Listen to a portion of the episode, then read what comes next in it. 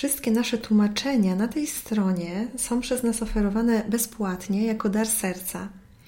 Jeśli jednak chcesz wyrazić swoją wdzięczność lub nas wesprzeć w tym projekcie, możesz przekazać darowiznę poprzez zakładkę Wsparcie na stronie www.drogamistrzostwa.pl.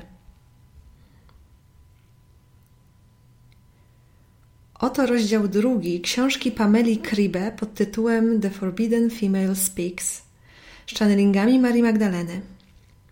Rozdział ten zatytułowany jest Zraniona kobieta. Tłumaczenie Maria i Rafał Wyreżyńscy. Czyta Maria Wyreżyńska. Kiedy zaczęłam otrzymywać od ciebie przekazy, wpierw powiedziałaś o ranie w obszarze brzucha u kobiet. Opisałaś ogólne pole energetyczne kobiet i powiedziałaś mi, że wiele z nich nie jest w pełnym kontakcie z obszarem brzucha i trudno im odczuwać swą moc. Szczególnie te kobiety, które przyciąga duchowość oraz rozwój wewnętrzny, mają skłonność do otwierania swoich wyższych czakr. To sprawia, że są bardziej wrażliwe i empatyczne. Lecz powiedziałaś również, że prowadzi to do braku równowagi i do postawy dawcy, tworząc jednocześnie pustkę w obszarze brzucha. Owa pustka wskazuje na brak fundamentu, ugruntowania i na to, że nie czują się one dobrze z samymi sobą. Czy mogłabyś rozwinąć ten wątek? W moich przesłaniach, które przekazywane są za Twoim pośrednictwem, chciałabym przede wszystkim odnieść się do kobiet, które przyciąga wewnętrzna ścieżka osiągania pełni. Mówię do kobiet, które interesują się wewnętrznym wzrostem, inspiracją płynącą z wnętrza i zrzuceniem starego bagażu. Kim są te kobiety? Wymienię kilka cech, które je charakteryzują. Kobiety te są w stanie przemiany ze świadomości opartej na ego do świadomości opartej na sercu.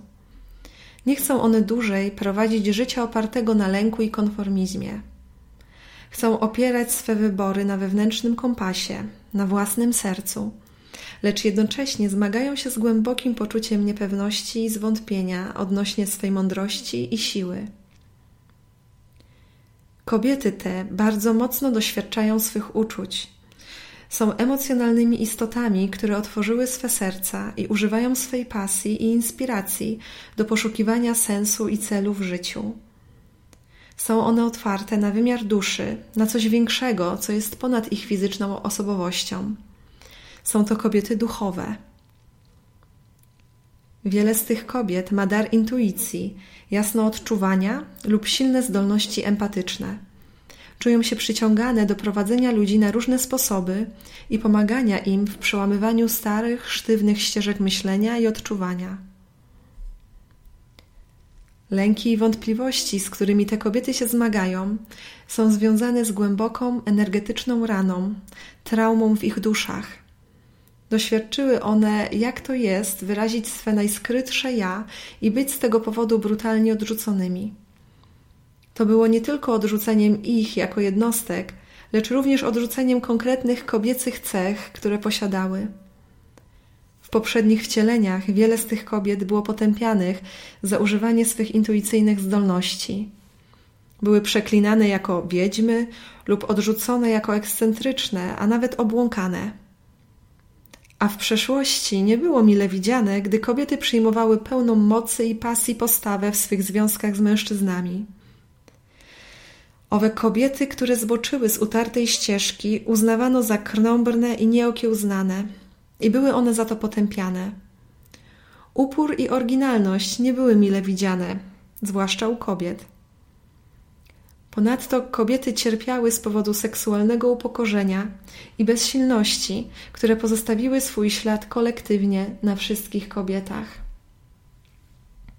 Wszystkie te doświadczenia pozostawiły rany w ich brzuchu.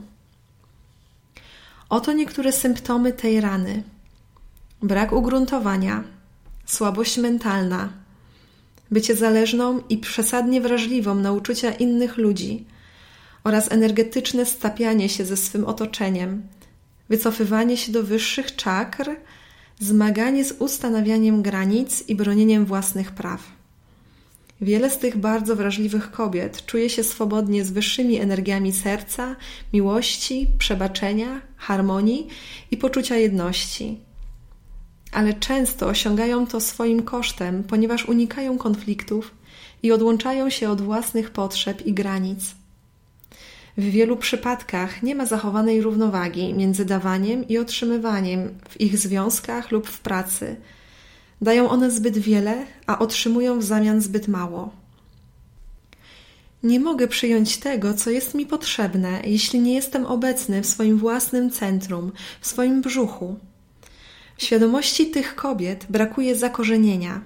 Mają one wiele darów i zdolności, ale cierpią na chroniczny brak miłości własnej. Istotą tej rany jest przekonanie, że nie zasługują one na bycie kochanymi i docenianymi za to, czym są. Czy te kobiety są tak zwanymi pracownikami światła, tak jak to zostało opisane w mojej pierwszej książce Channelingi Jeszuły? W owej książce Jeszua mówi, że istnieje grupa dusz, które dokonały wewnętrznego wyboru, aby odłączyć się od ego i być kierowanymi sercem, co jest procesem składającym się z wielu kroków i zajmującym wiele wcieleń. Wymienia on kilka cech charakterystycznych tych dusz, takich jak pragnienie wniesienia wkładu w transformację świadomości na Ziemi, bycie głęboko wrażliwym oraz poczucie bycia innym. Czy kobiety, do których przemawiasz w tej książce, zaliczają się do tej grupy pracowników światła? Tak, są to kobiety, które świadomie dokonują przejścia ze świadomości opartej na ego do świadomości opartej na sercu. Taka jest właśnie moja definicja pracownika światła. Gdy tylko zaczynasz skupiać się na sercu, tworzysz pragnienie wniesienia wkładu w szerszą perspektywę Chcesz dzielić się światłem swego serca z innymi. Kiedy zaczynasz pogłębiać połączenie ze swoją własną duszą, stawanie się pracownikiem światła jest czymś naturalnym. A zatem to wcale nie jest szczególnym powołaniem konkretnej grupy ludzi. Każdy, kto ma w sobie głęboko osadzoną potrzebę podążania ścieżką odkrywania samego siebie i wewnętrznego wzrostu, ostatecznie stanie się pracownikiem światła kimś, kto chce wnieść wkład w transformację świadomości na tej planecie. A więc tak naprawdę mówisz, że pracownicy światła w formie żeńskiej zmagają się ze szczególnym problemem pustką i raną w ich brzuchu, której nie mają pracownicy światła w męskiej formie. Pracownicy światła w męskiej formie również mają trudność z byciem tym, kim naprawdę są i z odwagą, by żyć w wolności z poziomu serca. Lecz ogólnie rzecz biorąc, ich problemy są trochę inne niż te, których doświadczają kobiety. Powiem o tym więcej później.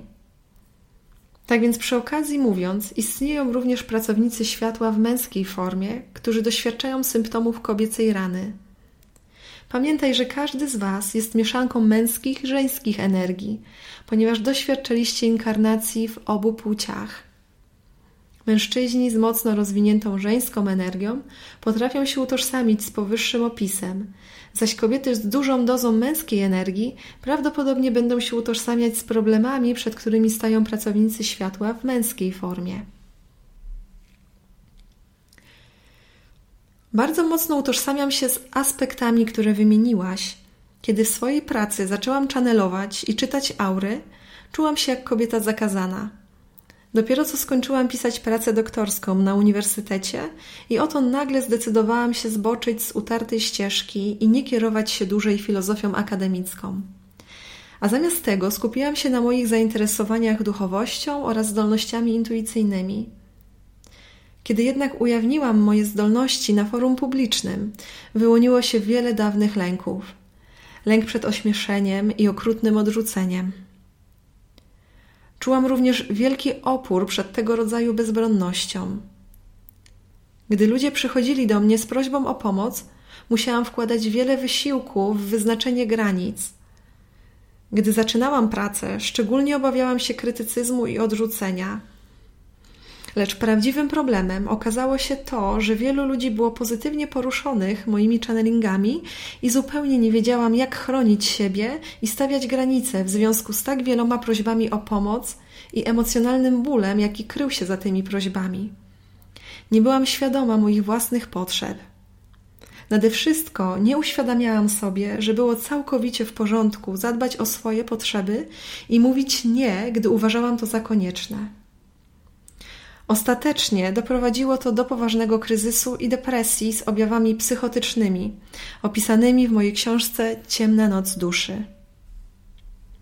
Od chwili mego uzdrowienia czułam zakotwiczenie w sobie, fundament, który stawał się coraz mocniejszy. Ów fundament zawiera w sobie swego rodzaju zdecydowanie i determinację. Jestem tym, kim jestem i nie będę udawać, że jestem kimś innym. Jestem zmęczona nieustannym ustępowaniem wobec życzeń innych ludzi i myśleniem o tym, czego inni ludzie ode mnie oczekują i co o mnie myślą. Skończyłam już z wyjaśnianiem, bronieniem i usprawiedliwianiem siebie. Wreszcie wydaje się przejawiać fundamentalną samoakceptację. Oto jaka jestem. Akceptujesz to albo do widzenia.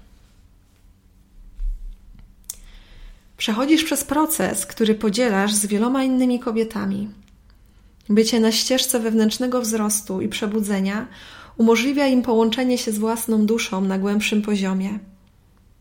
Jednakże w ten sposób konfrontują się one również z własnymi lękami przed obroną swych praw i przed zboczeniem z utartej ścieżki. Dusza jest ich najbardziej autentycznym aspektem, zachęcającym je do zerwania z oczekiwaniami i żądaniami pozostającymi w sprzeczności z ich własnymi pragnieniami i prawdziwym powołaniem. Każda dusza ma swoje powołanie. Twoja dusza dosłownie wzywa Cię, abyś pokazała swoje światło na swój wyjątkowy sposób. Gdy słyszysz to wyzwanie, to oznacza to, że pojawi się wiele okazji, kiedy to będziesz musiała powiedzieć nie rzeczom, które powstrzymują cię przed byciem swoim prawdziwym ja.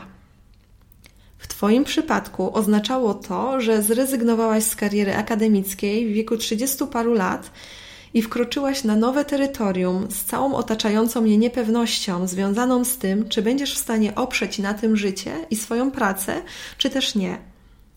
To był akt wiary. Powiedziałaś nie rzeczom, które dłużej cię nie satysfakcjonowały i zerwałaś z tradycyjną akademicką ścieżką. Początkowo wywołało to niepewność i chaos w twojej egzystencji, w której imałaś się wielu zajęć. W międzyczasie intensywnie rozwijałaś swoje zainteresowania duchowością i ezoteryką. Ze społecznego punktu widzenia znajdowałaś się na niewłaściwej ścieżce, lecz z perspektywy duszy Twe wysiłki miały głęboki sens. Miałam pewne doświadczenia, takie jak porażka w związku, które poruszyły mną do rdzenia mego istnienia i uświadomiły mi, że nie interesuje mnie kariera akademicka. To nie była trudna decyzja, ponieważ po dziesięciu latach intelektualnego pozowania w ramach filozofii akademickiej byłam tym kompletnie zmęczona. Skończyłam moją pracę doktorską, lecz ochoczo zrezygnowałam z całej perspektywy kontynuacji życia zawodowego na uniwersytecie, mimo że wielu ludzi widziało mnie w tej roli. Żal związany z zawodem w związku doprowadził cię na kraniec otchłani. Otchłań składała się z bólu, samotności i głębokiego poczucia bycia opuszczoną. Pozwoliłaś sobie wskoczyć w tę otchłań i po kilku miesiącach odkryłaś, że jesteś czymś większym niż ból. Zauważyłaś w swym wnętrzu coś, co było nieosądzającym świadkiem bólu. Była w tobie większa świadomość, która stopniowo się budziła i skłaniała cię do jeszcze większego zagłębienia się w duchowość. Po raz pierwszy zaczęłaś czytać książki oparte na channelingu i to poruszyło cię głęboko. Na dnie otchłani poczułaś wielką potrzebę celu i sensu. Filozofia akademicka nie mogła wypełnić tej pustki. Rozpoczęłaś poszukiwania wiedzy innego rodzaju, mądrości, która jest żywa i dotyka Twego serca. Taki był początek Twej duchowej ścieżki. Zatem to wszystko było rezultatem doświadczenia straty. Tak, Doświadczenie straty doprowadziło cię bliżej do siebie samej, to zaś spowodowało zmianę w twoim postrzeganiu życia. Od tego momentu twoje wybory opierały się na tym, czego sama chciałaś i potrzebowałaś. Odmawiałaś zaś rzeczy, które ci nie służyły. Są to swego rodzaju ponowne narodziny. Każdy, kto wybiera wewnętrzną ścieżkę, doświadczy straty. Trzeba się uwolnić od fałszywego ja, zanim możesz się naprawdę połączyć z duszą i wyrażać jej energię w życiu codziennym. Jest to niczym zrzucenie kokonu. Czy to, do, czy to dotyczy również mężczyzn? Z pewnością tak. Typowo żeńskim aspektem Twojej ścieżki było to, że łatwo zatraciłaś się w związku i czułaś, że nie możesz istnieć bez tej drugiej osoby. Stan zakotwiczenia w Twoim brzuchu nie był stabilny. Byłaś podatna na to, co ja nazywam romantycznym zauroczeniem, które oznacza naiwne nadzieje i pragnienie bycia z idealnym kochankiem, z którym mogłabyś się całkowicie scalić w jedno. Nie uświadamiałaś sobie, że w związku oboje partnerzy to autonomiczne jednostki ze swoją własną ścieżką. Owo pragnienie scalenia się w jedno idzie ramię w ramię z rezygnacją z tego, kim jesteś. Tak naprawdę jest to dziecięcym pragnieniem rozpuszczenia się granic, które pozwoliłoby ci ponownie doświadczyć pierwotnego poczucia jedności. Czy to pragnienie jest typowe dla kobiet? Mężczyźni również go doświadczają, lecz natura męskiej energii jest taka, że bardziej skupia się na odróżnianiu siebie od innych. Gdy człowiek jest dobrze dostrojony do swojej męskiej energii, to ma jasne poczucie tego, gdzie on się kończy, a inni zaczynają. I te granice są dla niego w porządku. Inaczej niż kobiety, mężczyźni często zmagają się z porzuceniem swych granic i z poddaniem się ich żeńskiej energii a zatem odczuwają oni raczej lęk przed tworzeniem więzi niż lęk przed oddzieleniem. Lecz to są jedynie ogólne skłonności, które przejawiają się różnie u różnych osób. Ty miałaś pragnienie absolutnego połączenia, które wykracza poza ludzkie ograniczenia. Zapłaciłaś za to wysoką cenę, w takim sensie, że niemożliwy stał się dla ciebie zrównoważony ziemski związek. A więc brakowało mi męskiej energii, tak. I kiedy wybrałaś podążanie ścieżką swej duszy, zaczęłaś przyjmować swą indywidualność i stałaś się bardziej świadoma tego, że pragnienie scalenia się z kimś w jedno jest destrukcyjne, o ile oznacza, że rezygnujesz ze swej indywidualności i nie bronisz swych praw. Nauczyłaś się, że męska energia w tobie jest cenna. Po gwałtownym emocjonalnym kryzysie, który był wynikiem niewystarczającego określenia swych granic w pracy, uświadomiłaś sobie, że musisz przyjąć swoją indywidualność. Nie możesz nie być tym, kim jesteś, tu i teraz. I tego musisz się trzymać. Taka forma akceptacji samej siebie stwarza tak potrzebne zakotwiczenie na poziomie Twego brzucha.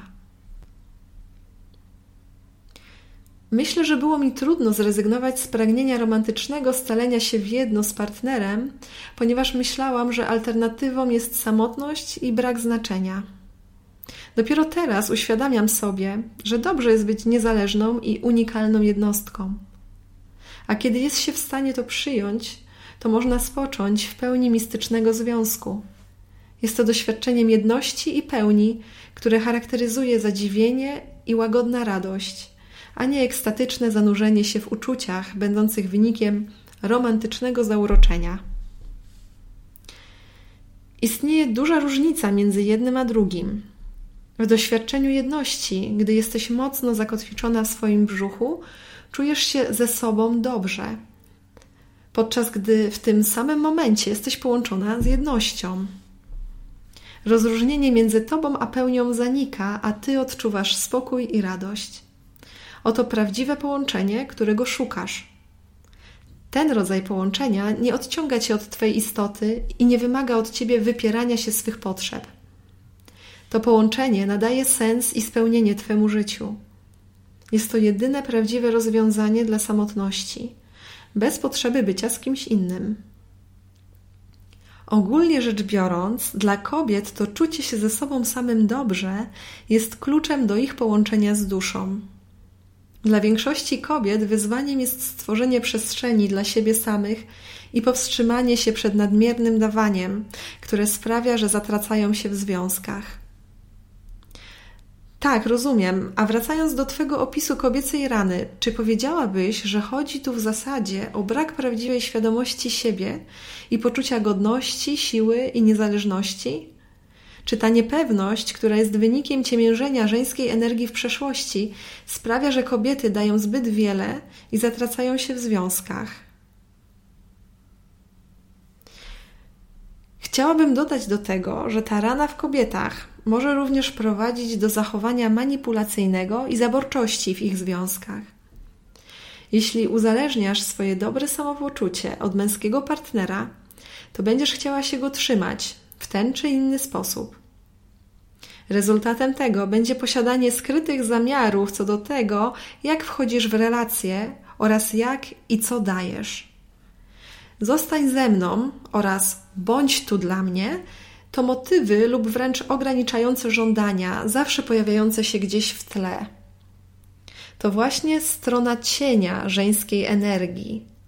Właśnie to się dzieje, gdy kobieta utożsamia się z tą energetyczną raną.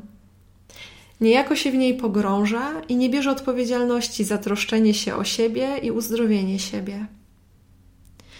Powrócę do tego tematu w późniejszym rozdziale, ponieważ bardzo ważne jest, by kobiety rozpoznały ten cień w sobie. Lecz wpierw chcę spojrzeć na różne typy męskiej energii. Istnieje oparta na ego męska energia kontroli i dominacji, ale istnieje również skupiona na sercu męska energia, która jest mądra, kochająca i twórcza. Jasny opis i rozpoznanie tej energii jest kluczowe zarówno dla kobiet, jak i dla mężczyzn.